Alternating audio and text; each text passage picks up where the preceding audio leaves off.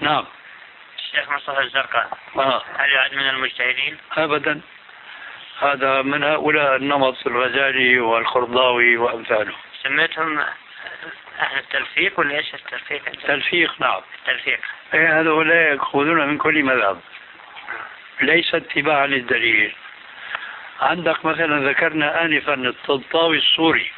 نعم علي طنطاوي علي الطنطاوي هذا صاحبنا سوري ابن بلدنا. نعم. أي نعم. هذا كان عدو الدعوة السلفية في سوريا لأنها تدعو إلى اتباع الكتاب والسنة. وقال في كثير من اسمع. وكان هو له آه، يعني وظيفة عالية في القضاء هناك الشرعي رئيس محكمة. فهو كان من جملة الذين سعوا ل لتغيير بعض الأحكام آه، من الأحوال الشخصية. اللي كانت تحكم بناء على المذهب الحنفي؟ وهو حنفي المذهب. ومن هذه الأحكام أن الطلاق بلفظ ثلاث يقع ثلاثا. هيك الأحوال الشخصية تقول. نعم. وهيك المذاهب الأربع فالشيخ علي الطنطاوي خرج على المذاهب الأربعة.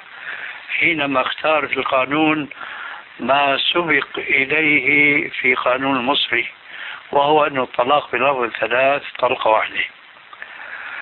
فهو ما رجع إلى السنة رجع إلى المصلحة.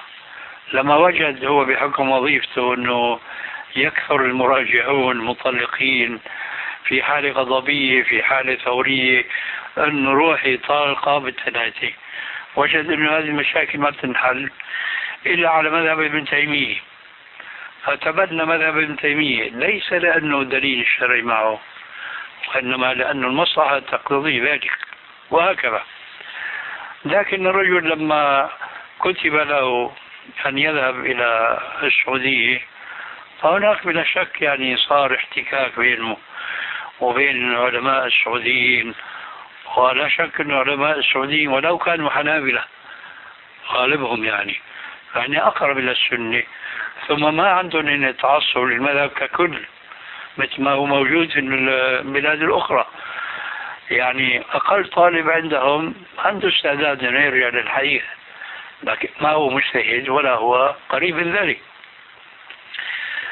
فالشيخ علي الطنطاوي هناك اعتدل بعض الشيء لكن ليس كل شيء لأنه جاءه الاعتدال على سن. يعني في آخر عمره. فهو لا يزال في كثير من الأحيان يفتي ويقدم ويطرح بعض الآراء التي يتبناها من يوم كان قاضيا هناك. أي نعم. وإياكم إن شاء الله. هذه كلمة لعل الله ينفع بها.